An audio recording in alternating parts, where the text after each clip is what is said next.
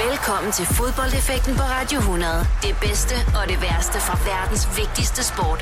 Her er din vært, Oliver Routledge. I feel glorious, glorious. Jamen, velkommen til denne uges udgave af Fodboldeffekten, programmet, hvor vi altså snakker om minder. Minder, som kan forankre en person til et vist sted med nogle visse personer, og som skaber den glæde og eufori, som kun fodbold kan. Og til at snakke om disse minder, så skal jeg til hvert program have besøg af folk, som lever og ånder for fodbold. Og det har jeg igen i denne uge. Velkommen til dig, Niels Harald. Tusind tak skal du have. Du er Premier League-redaktør, og så er du kommentator på Discovery. Du har taget tre minder med til, øh, til dagens program. Vi skal med to af minderne i hvert fald et godt stykke tilbage i tiden, synes jeg. Var det svært for dig at finde uh, tre fodboldminder? Nej, det tog mig ikke så lang tid. Øhm, det er sådan med, øh, med, med menneskelig dannelse, nu bliver det lidt højpandet, men, men det her med, hvad man oplever i alderen fra en 11 til 17 år, det gør rigtig stort indtryk på en. Det gælder både fodbold, det gælder også musik eksempelvis. Meget af det, man hører af musik, når man er voksen, er det, man har hørt i den periode. Og de kampe har været med til at forme mit fodboldliv, dem øh, jeg har hævet frem i dag. Så det, det har noget at gøre med øh, den periode, jeg var i mit eget liv, og så de fantastiske kampe, som var med til at forme mig som fodboldmenneske. Er der nogen speciel grund, tror du, til at fodbold er en sport, der kan danne minder, som man kan huske øh, efterfølgende, og, og jeg kan sidde og lave et radioprogram om? Ja, det er der, fordi at øh, fodbold går jo i blodet, fodbold går i hjertet, øh, fodbold går i, øh, i sjælen. Og, og de øjeblikke, man har sammen med fodbolden, de forplanter sig og bliver noget af det bedste, man har i ens liv. Øh, de øjeblikke står jo soleklare for en, at man kan huske næsten, hvad tøj man havde på, da det skete, og man kan huske, hvilken følelse man havde i kroppen, da et specifikt mål blev scoret, eller da der blev spillet en specifik kamp. Så øh, det har jo noget at gøre med, at, at det det forplanter sig i os som mennesker, og så tager vi det med os videre. Jeg glæder mig til at komme til at dykke ned i de tre minder, du har taget med, Niels Heide. Men inden vi når så langt, så skal vi altså lige vende Premier League. Du er redaktør for, for Premier League hos uh, Discovery, og det er jo en liga, som i øjeblikket spidser rigtig meget til. Så vi skal lige have vendt den liga, og det gør vi altså om et øjeblik. Så med det, så bare endnu en gang velkommen til dette, som er den 41. udgave af Fodboldeffekten. Du lytter til Fodboldeffekten på Radio 100 med Oliver Routledge. I denne uges udgave af Fodboldeffekten er altså besøg af dig, Niels Ejl. Du er Premier League-redaktør og kommentator hos Discovery. Og inden vi dykker ned i de tre minder, som du har taget med til dagens program, så synes jeg lige, vi skal vende det, som jeg i hvert fald mener er verdens bedste liga, Premier League. Det er jo øh, meget nærliggende, eftersom du som sagt er, er redaktør der. Er du enig i det, når jeg kalder Premier League for, for verdens bedste liga? U- ubetinget, øh, og det har jeg synes hele mit liv, øh, siden man lavede Premier League i starten af 90'erne, men også inden da. Engelsk fodbold øh, kan noget helt ekstraordinært. Det er her, vi får de store øjeblikke. Det er også her, de største stjerner vil spille, de største managers vil, vil træne. Øh, man kan diskutere, om det er England eller Spanien, der er den bedste liga. Jeg har altid haft et, en meget stor forkærlighed for engelsk fodbold. Mm. Det er i øjeblikket øh, Liverpool og Manchester City, de står jo og kæmper om det her, øh, om det her mesterskab, henholdsvis 4 og 5 kampe til, tilbage af den respektive sæson, som, som vi sidder og optager her det mesterskab, det er jo ekstremt spændende. Hvordan, hvordan, hvordan synes du selv, det er at, at følge med i? Jamen, det har været magisk fra dag et, fordi at øh, Liverpool kom flyvende ud øh, af starthullerne og, og vandt de første mange kampe, de spillede. Og der var en fornemmelse af, at det her Liverpool-hold kunne gå ud og udfordre det her Manchester City-hold, som ellers lignede et, et så suverænt mandskab. Øh, og det har jo gjort, at vi har haft det her parløb. Jeg kan ikke huske, hvor mange gange den har skiftet før, øh, ejerskab førsteplads, men det har, været, det har været så spændende at følge hele tiden den her. Så er det Liverpool, der fører, så er det Manchester City, der fører, så er det Liverpool igen, så er det Summer City igen. Mm. Og, og der er enormt meget på spil i forhold til, til point, men også i forskel på to klubber, fordi Liverpool er jo stærkt forankret i fortiden. Manchester City er lidt et, et moderne mandskab, kan man sige, den måde, det er lavet på, ja. og Pep Guardiolas måde at coache på osv. De mange, mange penge, som de har at arbejde med. Så der er, også, der er en konflikt, som er sindssygt spændende at, at forløse, som vi jo gør de uger her. Nu kan vi sige, nu øh, eftersom som vi sidder og optager her, der, der vandt øh, Liverpool i søndags imod, imod Chelsea. Manchester City vandt inden øh, den kamp også imod Palace. Altså, der, der er 85 og 83 point. To point imellem dem. City har spillet en, en kamp mindre, så det er jo, det er jo mega tæt i, i Premier League. Noget, som jeg elsker, når der er, endelig er kamp om mesterskabet, og det er to hold, der virkelig kæmper om det, frem for der, som man har set de sidste par sæsoner, måske City er løbet af sted med. Det giver det også lidt ekstra spænding for dig i dit job som redaktør, at der sådan er spænding imellem to hold. Ja, fordi øh, helt banalt, så har vi jo folk, der holder med de to hold, altså på vores redaktion. Så mm. når vi sidder eksempelvis øh, søndag og følger Manchester City øh, spille ude med Crystal Palace, så er der rigtig mange Liverpool-fans, der håber på, at Crystal Palace scorer. De reducerer til 1-2 Palace, og der er en fornemmelse af, at det måske godt kan gå galt for City. Og det er, jo, det er jo voldsomt at opleve de her menneskers reaktion omkring mig, og så se, at jamen, de, de, de bliver som små børn igen, løber rundt og råber og, og, og skriger af deres hold og håber på, at, at Palace scorer. City vinder så kampen, så er det Liverpool, der er under pres, og så kan man mærke, at nervepresset stiger hos de her mennesker, som jeg arbejder sammen med, og som, som, som er vores hold. Øhm, der er rigtig mange, der holder med Liverpool i, på vores redaktion, ja. og også, også i vores afvikling, altså grafikere og, og folk, der kører slåmaskiner osv. Så, videre. så der er sådan en spænding, øh, som vi kan mærke, også dem, der slet ikke kan snuppe Liverpool, for dem er der også nogen af. Øhm, så helt banalt, så, så vil jeg sige, som, som historiefortæller, så er det fantastisk at være med til at forløse det, og som menneske er det utroligt at opleve, hvad der sker omkring mig på sådan en dag. Det er jo de her to hold, der ligger og kæmpe om det fra, fra dag et af stort set i, i det her Premier League. Så man sige, Chelsea de kommer også okay fra start i, i den her sæson. Men, men, men har de to bare distanceret sig og været en klasse over de andre hold igennem hele sæsonen, synes du? Ja, ja. det er det korte svar. De har været, øh, de har været blændende på alle parametre. Det er lykkedes Liverpool, for nu at tage dem, og gøre deres hold færdigt. Altså, hvis jeg skulle sætte Liverpools hold nu, så vil jeg måske udskifte en enkelt position på midtbanen, men ellers så synes jeg faktisk, de har fået et komplet fodboldhold. Mm. Øh, og så de er helt fantastiske angriber. Mohamed Salah, der jo leverer et drøn af et mål til 2-0 mod Chelsea. Øh, Sadio Mane, som, som bare er en blændende angriber. Og så øh, har de pludselig fået verdens bedste midterforsvar også. Van Dijk, som måske jo endda bliver overspiller i England. En god målmand har de fået. Så de er blevet færdige. Manchester City har været det et par år. De har et, et meget, meget bredt hold, men de har, også, øh, de har også et meget komplet fodboldhold, og en træner, der ved, ved hvad han vil. Så det har været, det har været ekstremt fascinerende at opleve duellen mellem de ypperste. Og uanset hvad Manchester United har gjort, og uanset hvad Arsenal eller Tottenham har gjort, så har der bare været distance. Der var et tidspunkt, hvor Tottenham var oppe og røre ved den, og lige pludselig taber de tre kampe, tror jeg. Mm. Øhm, og der kunne du se, her er forskellen på de allerbedste og dem, der er lige nedenunder. Hvis vi så går ned i den mindre sjove del af tabellen, så set med danske briller har det jo været en skrækkelig sæson for, for Sanka, for Løsel, for Billing i Huddersfield. Jeg mener, det er 14 point, de har indtil videre. Var det forventet, at Huddersfield de ville ligge dernede? Fordi nu kan man sige, at sidste sæson, det var deres første sæson i Premier League. Der har man måske lidt momentum, når man kommer op for Championship, og så er det den her anden season, second season curse nogle gange. Ja, det er ligesom at være, at være musiker og skulle lave det andet album. Ja, nemlig. Hvor, hvor du får det første, som, øh, som brager igennem. Jeg er ikke overrasket. Altså, jeg synes, de var for tyndbenet, og det synes jeg også, de var i perioder af første sæson, hvor de jo faktisk leverede rigtig flot men meget på begejstring og meget på den her gode hjemmebane, de havde i Huddersfield. Men øh, de var blevet læst, og de laver et managerskifte midtvejs, og, og øh, gasten var gået ballongen. Det er ærgerligt for danskerne. Jeg er sikker på, at de nok, hvis man kigger på dem alle sammen, skal komme hver, videre på hver deres måde. Øh, det er Premier League-spillere i min optik, men de har bare været på et for svagt fodboldhold. Så du mener, de har bevist nok, de tre danskere, øh, Jonas Løssel, øh, Philip Billing og Mathias Sanka, til, til at, ligesom, at der er andre Premier League-hold, der tænker, I kan godt komme ind og være en del af vores trup. Måske ikke som starter, men i hvert fald en del af truppen. Nej, måske ikke som starter, eller måske ikke i top 10, men det, der er masser af brug for spillere, som, som kan spille Premier League fra, fra 11 til 20, og jeg er sikker på, at sådan som Mathias Sanka for eksempel, kan da komme endnu højere op. Philip Billing har jo også et kæmpe potentiale, og Jonas Løssel har vist, at han kan stå i Premier League. Det er bare, det er bare svært at stå i Premier League. Det er ja. bare en god liga, der er knald på, at du skal være til stede de hænger ikke på træerne, så de skal nok få nye arbejdspladser, eller også skal de med Huddersfield ned og komme op igen, hvis de kan det. Men, men jeg er ikke bekymret på deres vegne, men for Huddersfields vegne kan jeg godt være lidt bekymret, for det er ikke sikkert, at vi ser dem igen forløbet. Jeg synes jo personligt, at, at, at det har været en ret god sæson for, for mange af danskerne i, i Premier League. Måske lige med undtagelse for, for Huddersfield her. Sanka har haft lidt svært ved at komme på holdet på det seneste.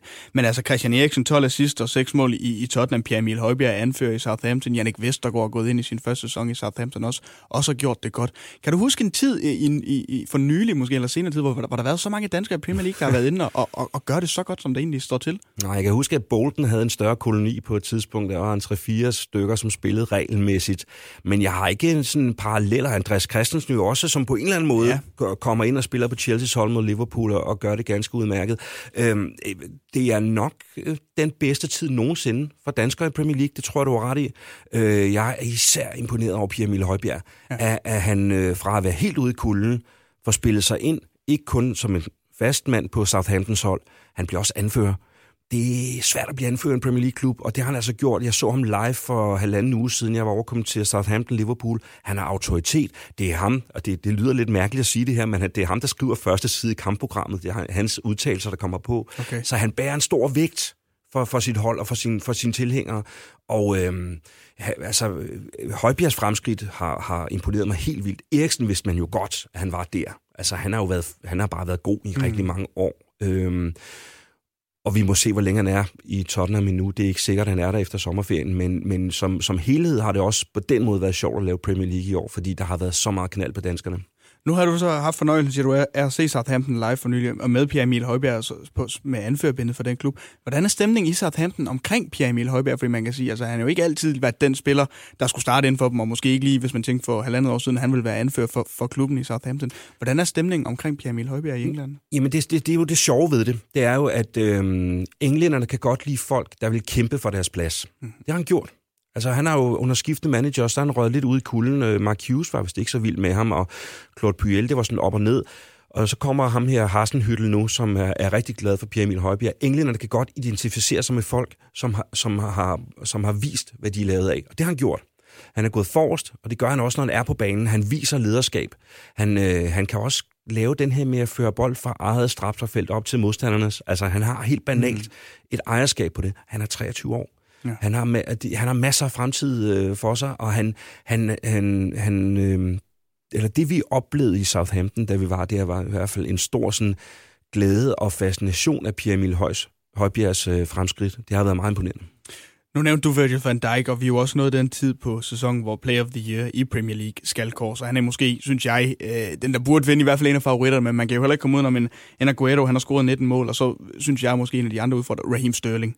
17 mål, 9 assist, og så måske til hans fordel, så er han englænder også. Altså, hvem tror du vinder Player of the Year? Jamen, jeg kunne godt hvis jeg skulle spille på det lige nu, så ville jeg spille på Raheem Sterling. Mm-hmm. Fordi at, øh, historien om ham er også god.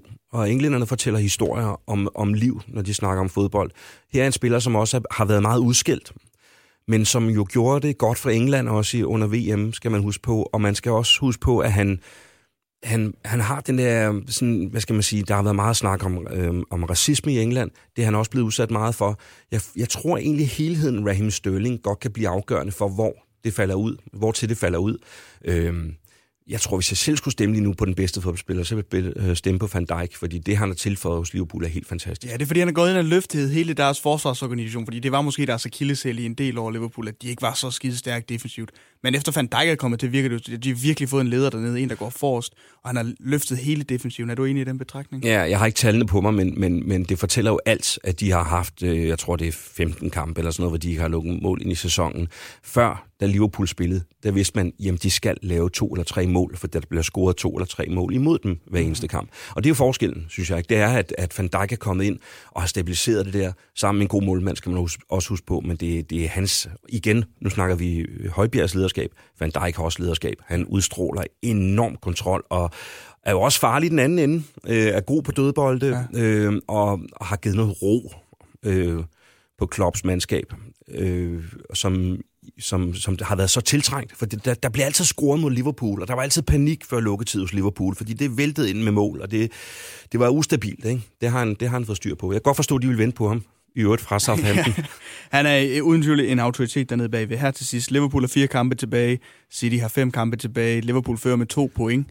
Hvem, øh, hvem trækker det længste strå, øh, tror du? Jeg tror, at, øh, og det talte vi om på redaktionen øh, lige før jeg skulle lave det her program, jeg tror, at Liverpool ligger med en 55-45 nu. Okay. De, de, jeg, jeg synes, at deres program ser meget, meget spiseligt ud. De skal godt nok til Newcastle, men det er jo Rafael Benitez, den gamle Liverpool-manager, der er der. Så har de en kamp mod Cardiff på udebane. Den vinder de øh, Øhm, og så har de Huddersfield hjemme, vinder de helt sikkert. Wolverhampton hjemme på sidste spildag. Jeg tror, de får fuld bonus, okay. eller fuld plade. Og så tror jeg, at Manchester City skal møde øh, Tottenham hjemme og Manchester United ud. En af de to kampe, der tror jeg, de taber point. Det vil også mere romantisk, synes jeg, selvom ja. der ikke er så meget mere romance tilbage i bedre historie, fodbold, ja. at Liverpool de, de, får, de vinder det mesterskab, synes jeg. I hvert fald. Men det bliver en lang sommer, hvis de vinder mesterskabet, fordi der, der er mange Liverpool-fans, der vil prale rigtig meget, rigtig lang tid. Det er altså øh, den afsluttende tid på Premier League i øjeblikket. Det bliver enormt spændende at følge med i. Men nu, der skal vi altså til det, som programmet også handler om her i fodboldeffekten. Det er fodboldminder. Vi skal til det første minde, du har taget med, Niels lige om et øjeblik. Det er Danmark imod England tilbage i 1982. Og hvorfor du har taget den kamp med, det vender vi lige om et øjeblik. Når du skal fra Sjælland til Jylland, eller omvendt, så er det Molslinjen, du skal med. Kom, kom, kom, bado, kom, bado, kom, bado. Få et velfortjent bil og spar 200 kilometer. Kør ombord på Molslinjen fra kun 249 kroner. Kom, bare du. Er du på udkig efter en ladeløsning til din elbil? Hos OK kan du lege en ladeboks fra kun 2.995 i oprettelse, inklusiv levering, montering og support. Og med OK's app kan du altid se prisen for din ladning og lade op, når strømmen er billigst. Bestil nu på OK.dk. Harald Nyborg. Altid lave priser. 20 styk, 20 liters affaldsposer kun 3,95. Halvanden heste Stanley kompresser kun 499. Hent vores app med konkurrencer og smarte nye funktioner. Harald Nyborg. 120 år med altid lave priser. Du vil bygge i Amerika? Ja, selvfølgelig vil jeg det. Reglerne gælder for alle. Også for en dansk pige, som er blevet glad for en tysk officer. Udbrændt til kunstner. Det er jo sådan, at de har tørt, han ser på mig. Jeg har altid set frem til min sommer. Gense alle dem, jeg kender. Badehotellet den sidste sæson. Stream nu på TV2 Play. Fodboldeffekten på Radio 100. I denne uges udgave af Fodboldeffekten er så besøger dig, Niels Heil, Premier League-redaktør og kommentator på Discovery. Og det første minde, du har taget med her til programmet, det er landskampen tilbage i 1982 mellem Danmark og England. En kamp, som ender 2-2. Niels Heil, hvorfor skal vi snakke om uh, den her landskamp? den er gammel. øh, det er min første landskamp i uh, Idrætsparken, som det hed dengang. Og dengang var det jo ikke noget med, at man havde en sædeplads og skulle købe på nettet og, og kunne dukke op en halv time før kick-off. Nej, der skulle man tage bussen ud jeg var 14 år dengang, øh, til Trianglen og gå op til Idrætsparken og stå i kø. Og så skulle man ind på det, da de åbnede dørene, jeg tror det var 16.30, der var kick-off kl. 20, så skulle man ind på det, der hed hockeybanen og finde sig en plads. Og det valgte jeg så at gøre. Det er en kold septemberaften, det her. Øh, jeg tror, jeg har en madpakke med hjemmefra og øh, en plastikpose med de ting i. Og så kan jeg huske, hvordan man blev båret ind af den her menneskemængde ind på hockeybanen og skulle stille sig og, og vente på, at den her fodboldkamp gik i gang. Og der var mange praktiske ting i det. Altså, den ene er, når man står helt op foran, for jeg endte med at stå på første række. Øh, der, der kan jeg huske det med helt banalt, når man skulle ud og tisse for eksempel. Det var umuligt. Altså, der var jo, der var jo, jo menneskehav, man skulle igennem, fordi folk var mødt op for at få en ståplads. Man blev nødt til at, at sikre sig den. Og så var der det her med, at når jeg valgte til at se Danmark-England som 14-årig, ganske alene i øvrigt, så var det jo fordi, at det var jo de her engelske spillere, jeg var vokset op med i fjernsynet, ja. som pludselig kom til Idrætsparken. Det var ikke så meget for at holde med Danmark, eller vise min sympati for det landshold. Det var mere fordi pludselig så var der Trevor Francis inde på på, øh, på, på Idrætsparkens øh, græstæppe, og mm. Kevin Keegan. Øh, der var de der øh, store profiler, som, øh, som England mønstrede Peter Shilton i målet osv. Og så ender det jo med at blive en fodboldkamp, som øh, efter man har stået der i syv timer, eller hvor meget det ender med, så, så bliver det med, med, med at blive en meget definerende fodboldkamp for Danmark. Fordi vi, øh, vi er jo bagud med 1-2 øh, indtil ganske kort før tid. Og det ligner business as usual for det danske landshold, fordi det har jo altid været sådan. Hele min opvækst indtil da, der var Danmark jo ikke særlig gode. Altså, Nej. vi var aldrig med til EM, vi var aldrig med til VM, vi havde faktisk ikke været med til nogen af de to ting før. Og lige pludselig, så, så, øhm, så sker der noget inde på banen. Altså, jeg kan huske de der ørkesløse 70'er kampe, hvor Danmark altid tabte. Der blev lukket så mange mål ind, og det var frygteligt. Men her, der er vi bagud med 1-2 med England, og man tænker, okay, det er England, de er gode. Men måske kunne vi gøre noget.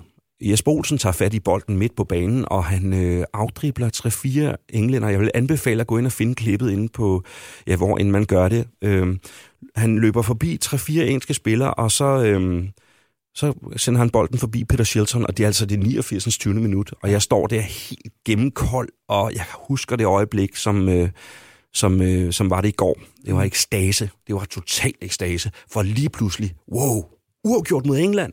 2-2. Og det, og det gør jo, at, at landsholdet kommer flyvende ind i den kvalifikation, som bliver vores første kvalifikation til, en, til et EM i Frankrig i 84. Uden det mål, uden det øjeblik, uden den beslutning, Jesper Olsen tager dengang, så var Danmark ikke blevet et dynamitlandshold, fordi så var det faldet fra hinanden. Så var det lige så meget fascination for dig, at de engelske spillere, der gjorde, at du skulle på stadion og se den her helt alene som 14-årig. Det var også lidt af en beslutning at, at tage Niels Heil. Det var fascinationen af at se de her engelske spillere i Danmark, som du havde måske set eller hørt i, på i, i, radioen på det der, daværende tidspunkt. Ja, jeg havde faktisk set dem i fjernsynet om lørdagen i uh, sportslørdag og tipslørdag ja. igennem 70'erne og i starten af 80'erne. Der var, det jo, der var det jo de, vi havde. Altså, der var vel en fodboldkamp om ugen i fjernsynet.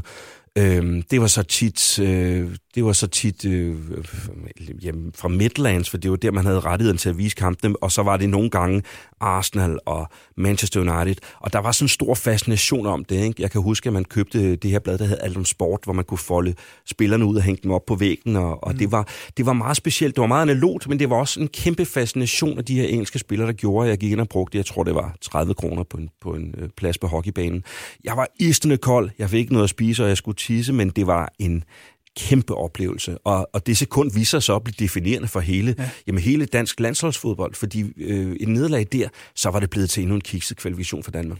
Ja, for hvad var dine forventninger, når du går ind til den her kamp? For du er 14 år, så du har trods alt også en forståelse af, hvad det er, Danmark de kommer fra, og, og hvad, hvad, det, hvad det er for en situation, landsholdet står i øjeblikket. Spillerne kender du så godt. Så hvad var dine forventninger, inden den her kamp den startede? Jamen, der har været et par varselskud. Altså, de, de slår jo Italien med 3-1 i 1981 i en fantastisk fodboldkamp. De slår Spanien på hovedbanen i 79.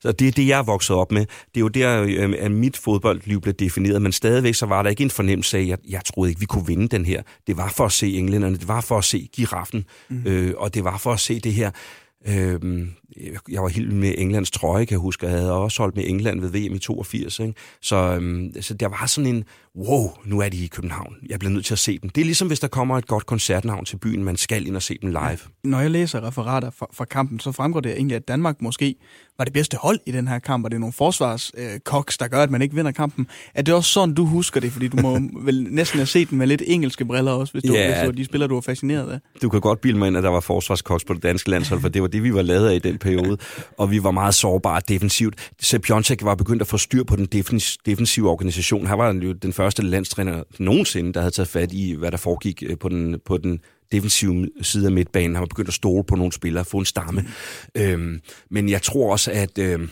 at der var jo ikke noget, altså, der var ikke noget overraskende i, at England ville vinde kampen med, med, med 2-1, som det stod til at blive. Ikke?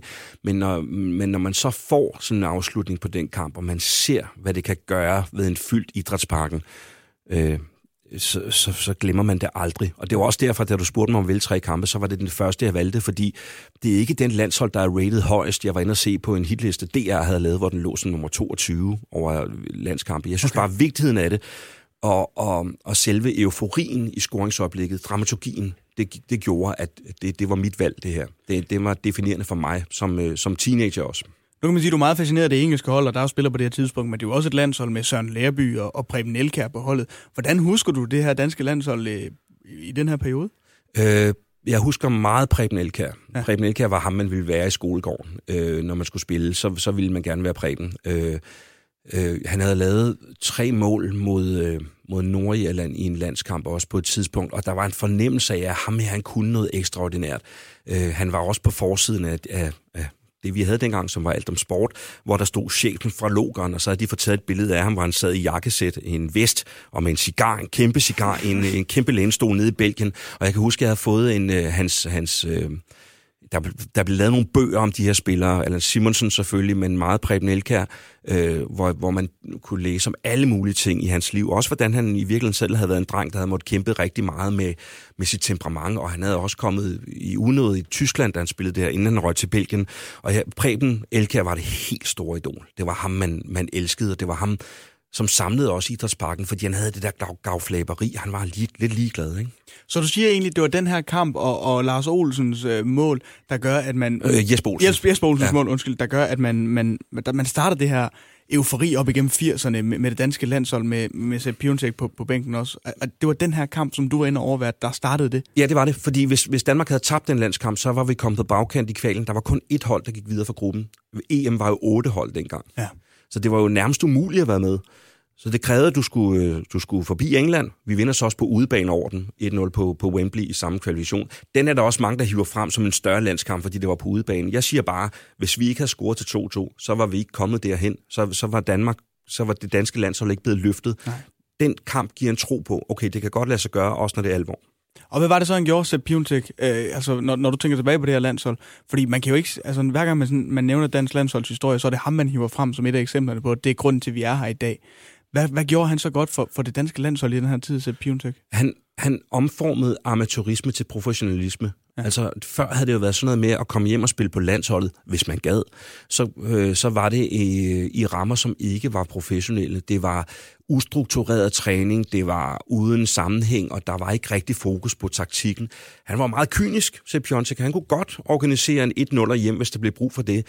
Øhm, og så forstod han også, at de kreative kræfter forrest på banen skulle have frit løb. Øh, der er jo så mange gode spillere. Han er jo også heldig at ramme ind i Michael Laudrup på, i sin generation. Ikke? Og øh, som du også siger, Søren Lerby, som jo kunne noget ekstraordinært øh, på sin position. Mm. Øh, så pludselig fra at være et landshold, som blev overløbet Morten Olsen, må vi slet ikke glemme, fordi Nej. han var jo også enorm der. Men det nytter jo ikke noget, hvis de ikke er organiseret. Og det kunne Sepp Piontek, han udfordrede den der danske tilbagelændighed, som der var der på det tidspunkt med noget tysk professionalisme, og det gjorde forskellen. Landsholdet for sig som en, som en, en overordnet ting nu her for dig, hvad, hvad betyder det? Øh, fordi nu du, du er Premier League-redaktør, men du arbejder også på Discovery, så, hvor I har rettighederne til, til, til Danmarks øh, kvalifikationskampe i hvert fald. Hvad er landsholdet for en størrelse for dig her i 2019? Landsholdet er det, som gør, at jeg kan få mine, mine sønner med i idrætsparken, eller i, idrætsparken, i parken og se fodbold. Øhm, landsholdet er det, som vi kan forenes om. Os, der holder med forskellige klubber. Nu øh, holder jeg med Arsenal til daglig. Øhm, og øh, når, når jeg skal blive enig med nogle folk om noget, så kan vi alle sammen blive enige om, at vi holder alle sammen med Danmark. Ja. Og øh, jeg har også været igennem tynde tider med landsholdet, også med øh, manglende kvalifikationer osv., men, men når landsholdet spiller, så, så kan jeg også mærke det i hjertet, mm-hmm. og mhm. det er det, der betyder noget. Er det så et af de bedste landshold, du kan huske i din tid, det her landshold, fra, da den her kamp blev spillet i 82 år årene efter med, med Piontek? Fordi det her det er kvalifikationen til EM, som du siger. Der var otte kampe, man vinder seks ud af otte kampe, og det er imod relativt gode modstandere. Altså, ja. Er det noget af det bedste dansk landshold, du kan huske? Ja, ja det er det, og, og det udfolder sig jo for alvor under EM i Frankrig i 84. Mm. Der begynder det virkelig at, at, at blive godt, øh, kommer til semifinalen, taber til Spanien på straffesparkskonkurrence efterfølgende Mexico, hvor de jo, hvor de jo blomstrer helt op og, og slår Uruguay med 6-1. Ja, det er et af de bedste landshold, men 92 landshold, som vinder EM, må vi jo må vi aldrig nogensinde glemme, for det er jo en større præstation, men sådan følelsesmæssigt, også fordi, at man bliver formet i teenageårene som, øh, som fodboldelsker, så var, det, så var det det danske landshold dengang. Det var altså det første minde, som du har taget med her i fodboldeffekten, Niels Heil. Om et øjeblik, så går vi videre til det andet minde, du har taget med. Det er FA Cup-finalen i 1979. Du nåede lige kort at vinde, du var Arsenal fan, og det er altså imellem Arsenal og Manchester United. Vi snakker om det lige om lidt her i fodboldeffekten. Der er mange store spørgsmål i livet. Et af de mere svære er, hvad skal vi have at spise i aften? Derfor har vi hos Nemlig lavet en madplanlægger, der hver uge sender dig personlige forslag til aftensmad, så du har svaret klar. Tilmeld dig nu på nemlig.com. Nem, nemmer, nemlig. Kender du også det? Køkkenbordet flyder med brugte tallerkener, og opvaskeren skal fyldes igen, igen, igen. Hvorfor er det altid dig, der skal fylde den, når alle nu ved, at det er dig, der hedder det allermest? Kunne det måske være, fordi de andre ikke kan finde ud af at fylde den ordentligt? Bare rolig, det er helt normalt. Og hos Normal, der har vi alle de ting, du skal bruge for dit service din maskinekold skinnende rene, og det til møg beskidte lave priser. Normale varer, unormale priser. Hvad adskiller køleskabe fra hinanden? Eller vaskemaskiner? Den ene opvaskemaskine fra den anden? Vælger du Bosch, får du et slidstærkt produkt, der hverken sløser med vand eller energi. Ganske enkelt. Bæredygtighed, der holder. Kom til Spring Sale i Fri Bike Shop og se alle vores fede tilbud på cykler og udstyr til hele familien. For eksempel har vi lynedslag i priserne på en masse populære elcykler. Så slå til nu. Find din nærmeste butik på FriBikeShop.dk. Fodboldeffekten på Radio 100. De største og de værste øjeblikke i fodboldhistorien. Min gæst i denne uges udgave af Fodboldeffekten, det er dig, Niels Harald. Du er øh, redaktør for Premier League hos Discovery og kommentator. Og vi skal videre til det andet minde, som du har valgt, og at vi skal snakke om i denne uges program. Det er en kamp helt tilbage fra 1979. FA Cup-finalen mellem Arsenal og Manchester United. En kamp, der bliver spillet for ja, næsten knap 100.000 tilskuere på Wembley. Du er Arsenal-mand, Niels Harald. Der er mange minder fra Arsenal op igennem årene, men hvorfor har du valgt netop den her kamp? Fordi det er den kamp, der gør mig til Arsenal-mand. Okay. Øh, jeg var ude at shoppe hold øh, i de første år, hvor jeg så, så tipslørdag og sportslørdag. Der var lidt Leeds United i en periode. Øh, de var gode. Så var der en lille bitte smule Liverpool. Øh, det forkastede jeg hurtigt, for dem holdt alle med. Det synes jeg var for kedeligt. Og så, så sætter jeg mig til at se den her FA Cup-finale. Jeg havde kigget lidt på Arsenal, vil jeg sige. Vi havde flyttet lidt. Men, øh, men øh, jeg husker FA Cup-finalen dengang. Det var jo en af de store fodboldkampe, der var i fjernsynet. Det var måske en af de allerstørste traditionerne. Wembley, øh, solskin på Wembley, den kongelige familie, som du siger, 100.000 mennesker. Ja. Det var en kæmpe, det var en af verdens største fodboldkampe dengang, FA Cup-finalen. Øhm, og det er det jo på mange måder stadig, men den er bare forsvundet i den kæmpe, kæmpe mængde af fodboldkampe, som, som overmander os hver eneste uge. Det, der så sker dramaturgisk i den her fodboldkamp, det er, at Arsenal kommer på 2-0. Øh, Brian Talbot scorer til 1-0. Frank Stapleton scorer til 2-0, mener jeg. Og så er der faktisk øh, ro på bagsmækken. Jeg øh, husker Arsenal klædt i de her gule trøjer, mm. cruise hjem. Øh, Manchester United virker rådvilde, og de virker uden sammenhæng. Men på en eller anden måde, så får United mandet sig op til at lave to mål på ganske, ganske kort tid. To minutter? Ja. ja. Øhm, og der kan jeg huske, at der gør det ondt på mig, for jeg, jeg havde fattet meget stor sympati for det her Arsenal-hold, den måde, de spillede fodbold på. Arsenal havde jo ikke vundet noget i... Jamen, de, sidste gang, de vandt et mesterskab, var i 71, og der vandt de også FA-koppen. Og de havde sejlet gennem 70'erne. Det havde været en frygtelig periode for dem. Lige pludselig er der en forløsning, som ryger dem ud af hænderne. Og det, det er der jo også noget helt banalt fascinerende ved. De ligger på Wembley, de ligger øh, bogstaveligt talt, spillerne er helt fladmæste ved 2-2. Fysisk har det været en hård kamp, det er varmt, og man kan se, at der er, jamen, der er næsten tår på vej ud af de her spillers øjne, indtil at der er et par stykker af dem, der rejser sig op og, si- og ligesom signalerer, at det skal være løgn det her. Øhm, de får bolden ud på kanten øh, i højre side, mener det er, og så kommer der en indlæg ind mod Alan Sunderland, øh, som øh, jamen, på mirakuløs vis får hævet sig op til at lave målet til 3-2, og så, så går det jo fuldstændig balloni på Wembley. Øh, både blandt Arsenal-spillere, men også blandt fansene. Og jeg kan huske mig selv blive sådan overrasket over, hvor begejstret jeg blev for det her 3-2-mål. Jeg var sådan helt, wow, når det kan fodbold også det her. Ikke? Øh, jeg er stadig på et tidspunkt, hvor jeg, hvor jeg, var, hvor jeg sådan var svær begejstret, men det her, det fik fat i mig. Det her øjeblik, det her 3-2-øjeblik, det, øh, jeg mener, det var 12. maj 79. Det står øh, stadigvæk det er det, ja. helt ja. klart for mig. Øhm, og, og så løfter de pokalen, og jeg synes, de er vildt seje, de her Arsenal-spillere, og, og bliver enige med mig selv om, okay, nu er det i hvert fald dem, jeg holder med. Det, der så sker, som giver øh, kampen en kontekst, det er også, at et år efter, der spiller de FA Cup-finale igen. Mm-hmm. Jeg mener, de spiller mod West Ham. De taber 1-0. Øhm, og det er noget skidt, fordi jeg havde regnet med, at nu skal vi have en til, mand. Og, og nu var jeg også begyndt at hænge Arsenal-spillere op på væggene og holde lidt øje med, hvordan det gik øh, nu bliver det meget analogt, men dengang, hvis man skulle have sportsresultater, så skulle du ringe ind til Ritzau Sportsavis lørdag aften, ja. så skulle du trykke 0052, og så sad der en mand og læste resultaterne op. Det var før tekst-tv, det her. Og så vidt jeg kan forstå, så, så kunne man være heldig, at man lige havde ramt Premier League, eller så var han i gang med noget helt andet.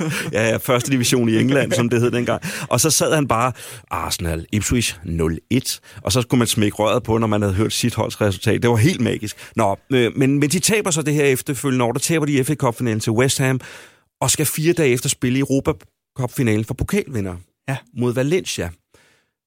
Og øh, der ryger de ud i straffesparkskonkurrence, hvor de så ender også med at tabe. Så de taber to finaler et år efter, at jeg har fattet øh, sympati for den. Mm. Og det er i virkeligheden der, at forelskelsen bliver til kærlighed.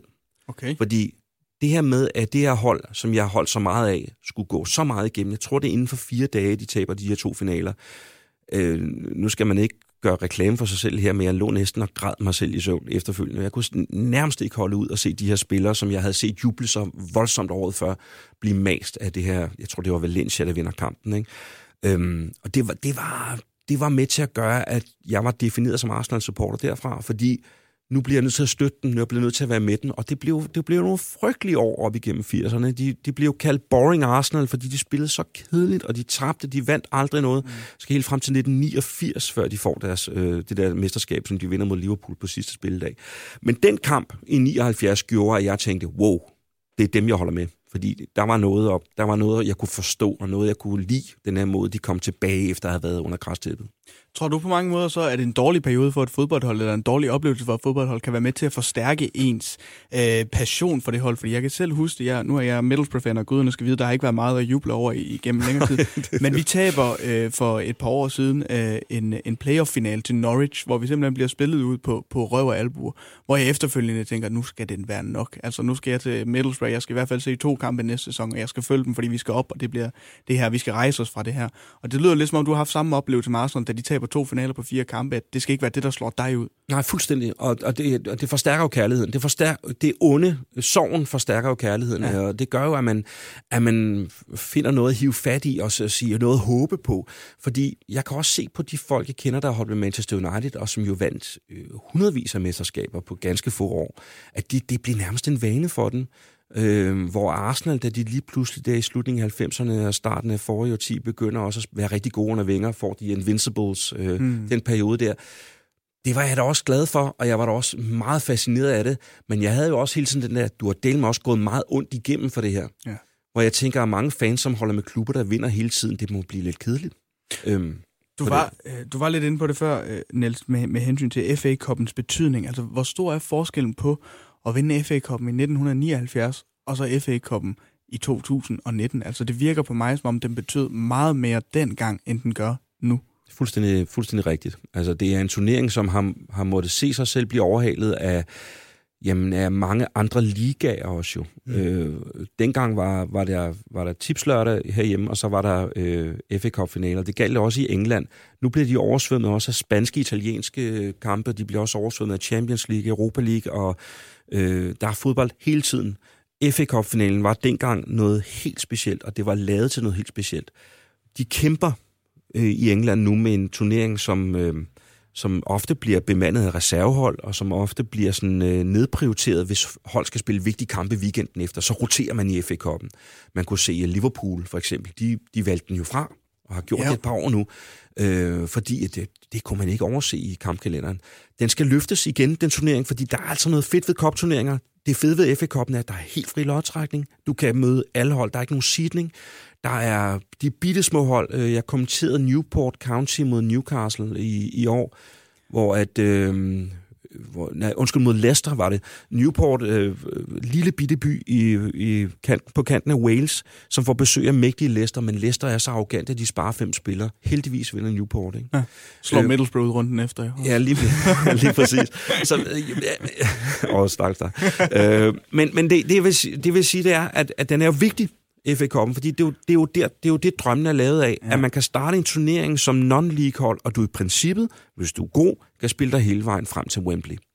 Men det er jo også det, fordi at, at når vi snakker om Premier League 2019 og de seneste par år, altså så har der, der er jo så mange penge i Premier League og i fodbold generelt. Men lige præcis, øh, det der, det vækker jo romancen i en igen omkring fodbold, når et hold fra på kanten af grænsen til Wales slår øh, mesterne for 2016.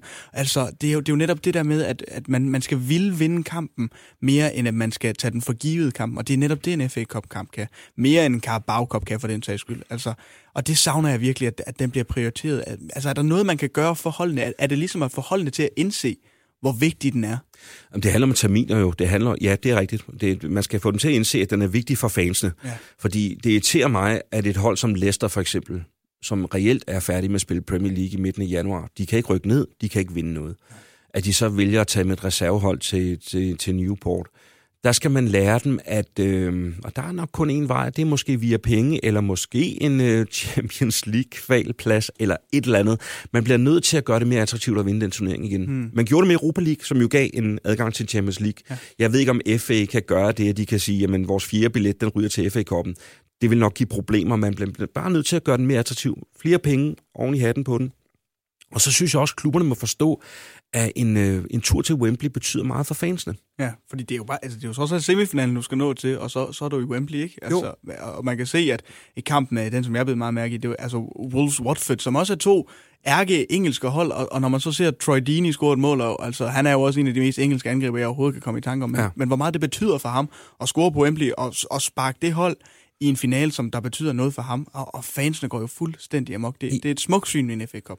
Ja, og det er det, og det, og jeg forstår ikke de klubber, som nedprioriterer dem, altså klubberne fra 6 til 14, at de, at de ikke tager den alvorligt. Øhm, for der, der er så meget payoff til fansene. Mm. Men der går der kynisme i den, og der går der tre point i Premier League i den, og der skal man måske finde på et eller andet. Jeg ved ikke, hvad man skal gøre. Måske skal den øh, skal bare have øh, øh mere plads omkring sig. Den ligger lidt, lidt klemt inde imellem med vigtige terminer, også i forhold til Champions League.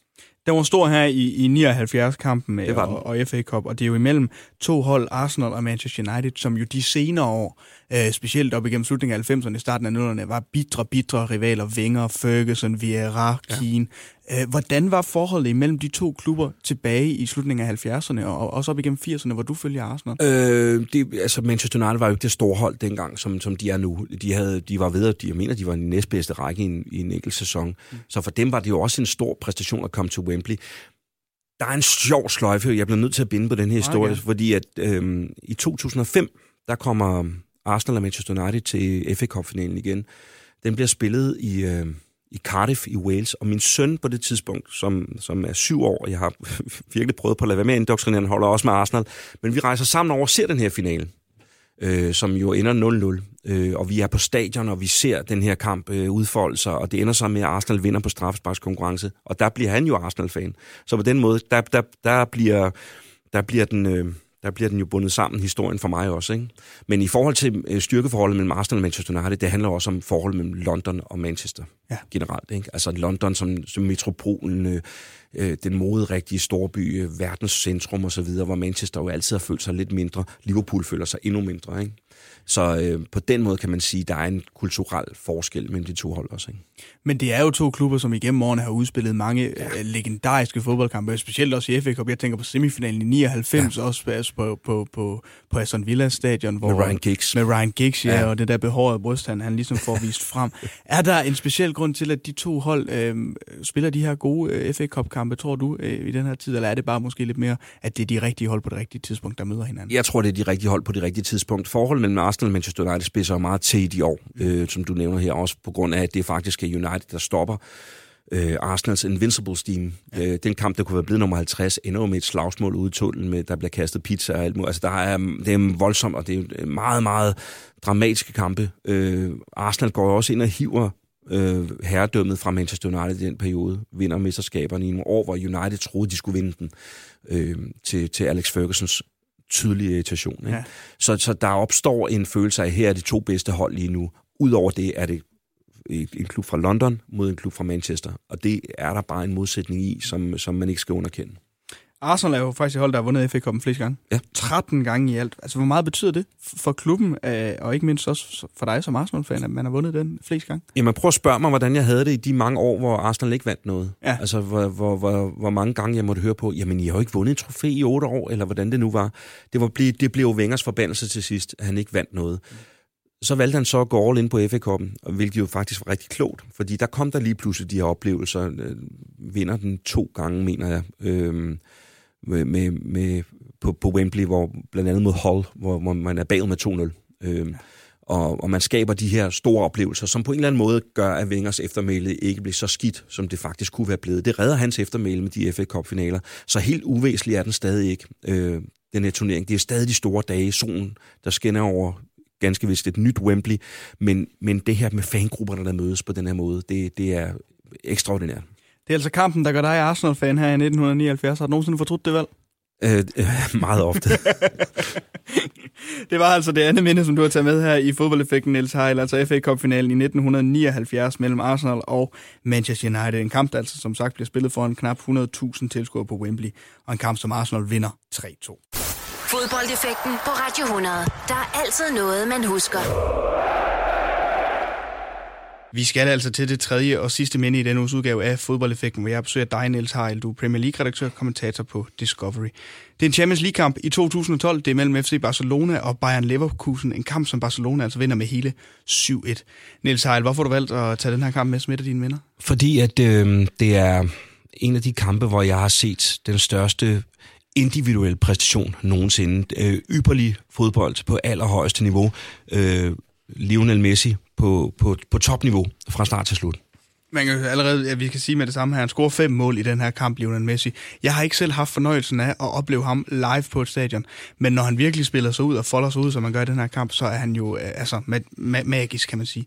Hvad er det for en oplevelse at se ham rende rundt øh, på en fodboldbane, Lionel Messi? Jamen det er... um, Det er som om, du ved, at det her, er, på engelsk vil man sige history unfolding. Mm. Altså det er, det er, når det sker foran dine egne øjne, så ved du, at det her det er noget, som man vil se tilbage på om 50 år og sige, ham her, han var, han var ekstraordinær. Det er det, mine forældre sagde om, om Pelé, eller øh, det, man har, har sagt om Michael Laudrup. Det her, det, når man ser det selv udfolde sig, så kan man se, at Lionel Messis måde at spille fodbold på er så ekstraordinær, så outstanding.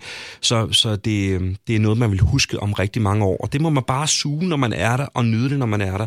Øh, den her kamp har for ham et fantastisk godt øh, udgangspunkt, fordi de er foran med 3-1 efter første kamp. Ja. Og det gør jo, at spændingen er jo ikke rigtig til stede. Det eneste bare Leverkusen reelt kan gøre, fordi de er i en 8. finale i Champions League, de skal forsøge at gøre noget med Barcelona, så de stiller sig meget højt på banen. Mm. Det er det dummeste, du kan gøre med Lionel Messi på, på holdet på det tidspunkt. Vi er syv år tilbage i tiden nu, så hans, han er også endnu hurtigere, end han er nu. Jeg mener, han er 24 dengang eller sådan noget. Øhm, og, og det giver ham enormt gode arbejdsbetingelser. Det gør jo også, at lige så snart kampen er i gang, så ved man, okay, det her det bliver Messis aften. Fordi hver gang han er på bolden, så gør han ondt på det her tyske lidt langsomme forsvar, som, som bare halser efter ham gang på gang. Så ja, han har en god, billig baggrund at spille på, men han er også bare ekstraordinær. Altså alle mål har noget i sig selv, som bare er sublimt.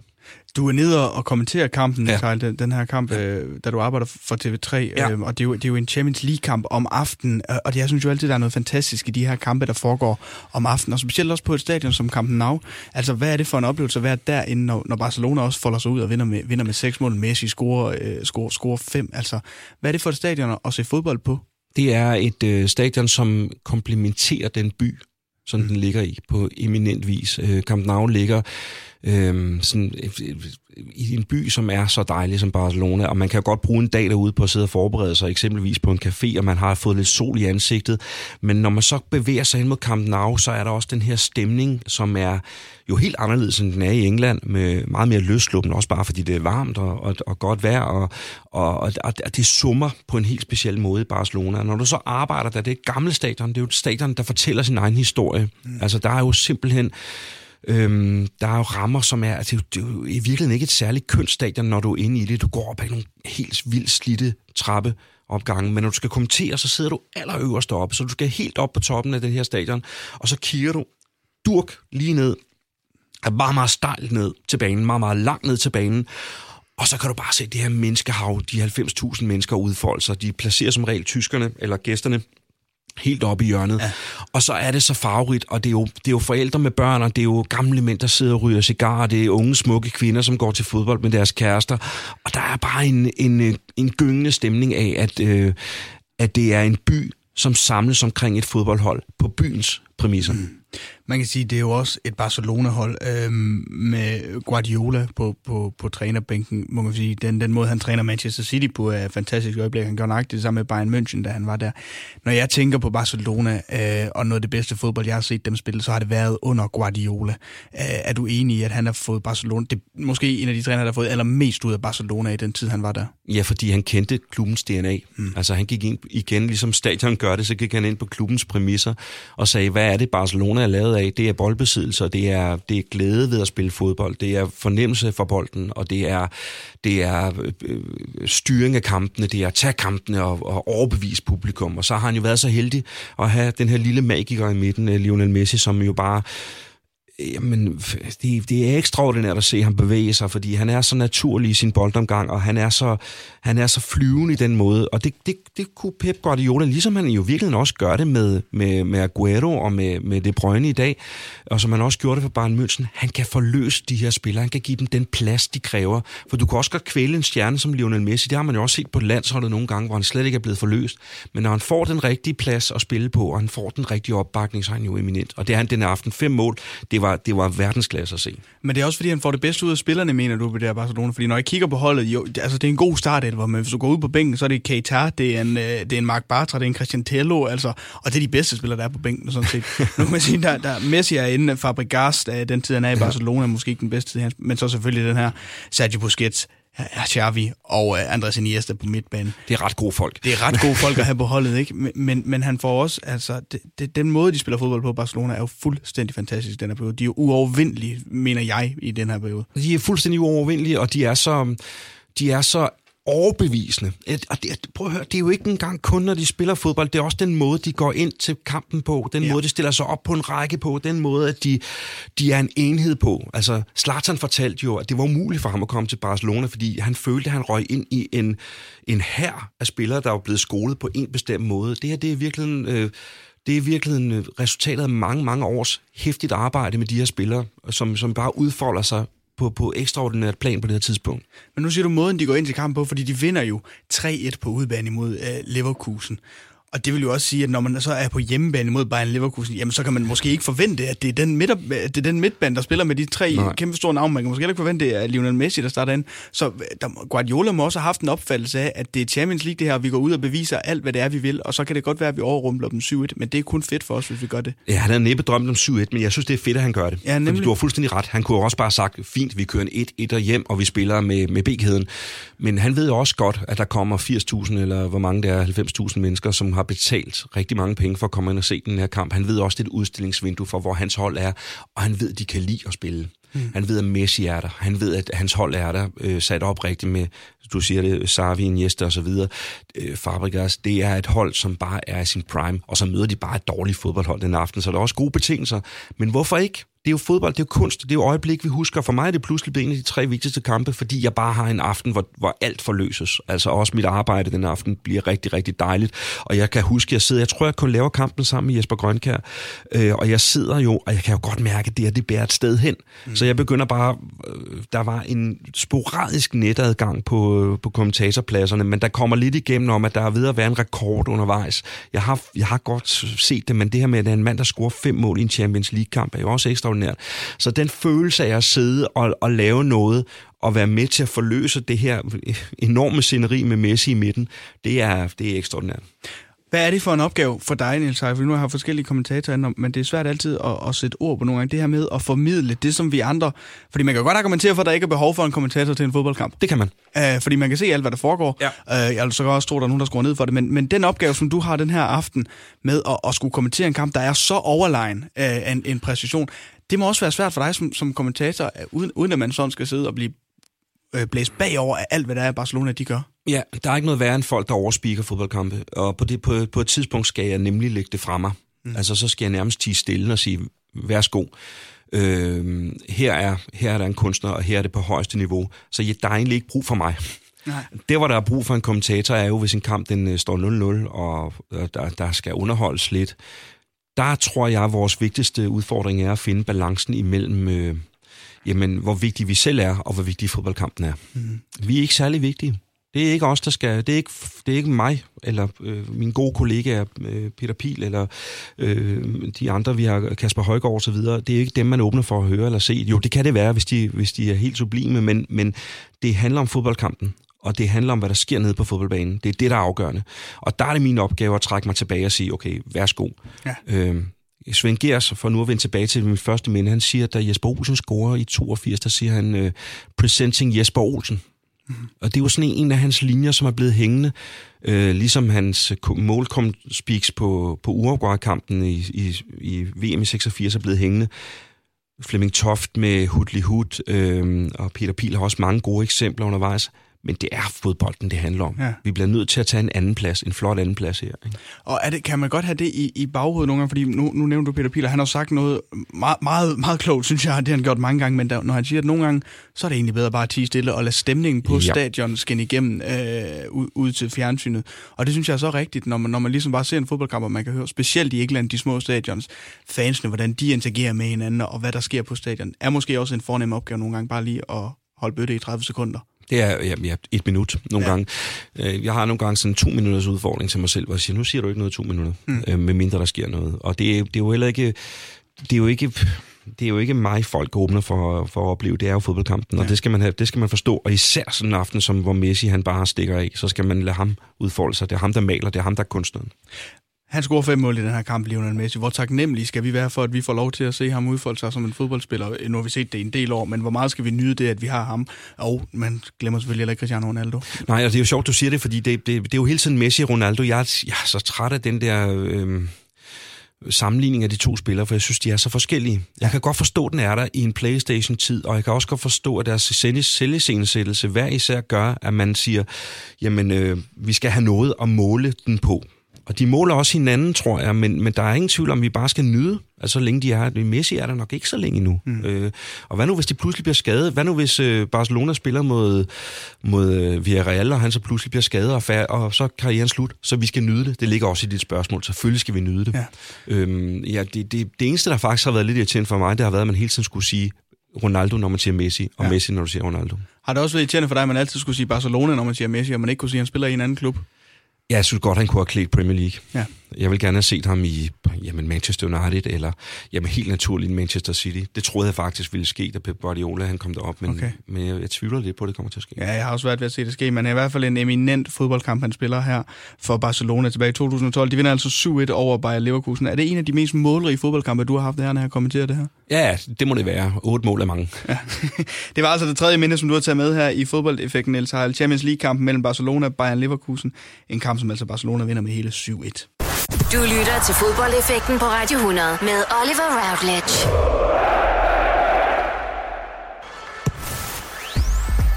Så kom vi altså forbi Danmark-England i 1982, Arsenal, Manchester United, FA Cup-finalen i 79 og Barcelona, Bayern Leverkusen i 2012.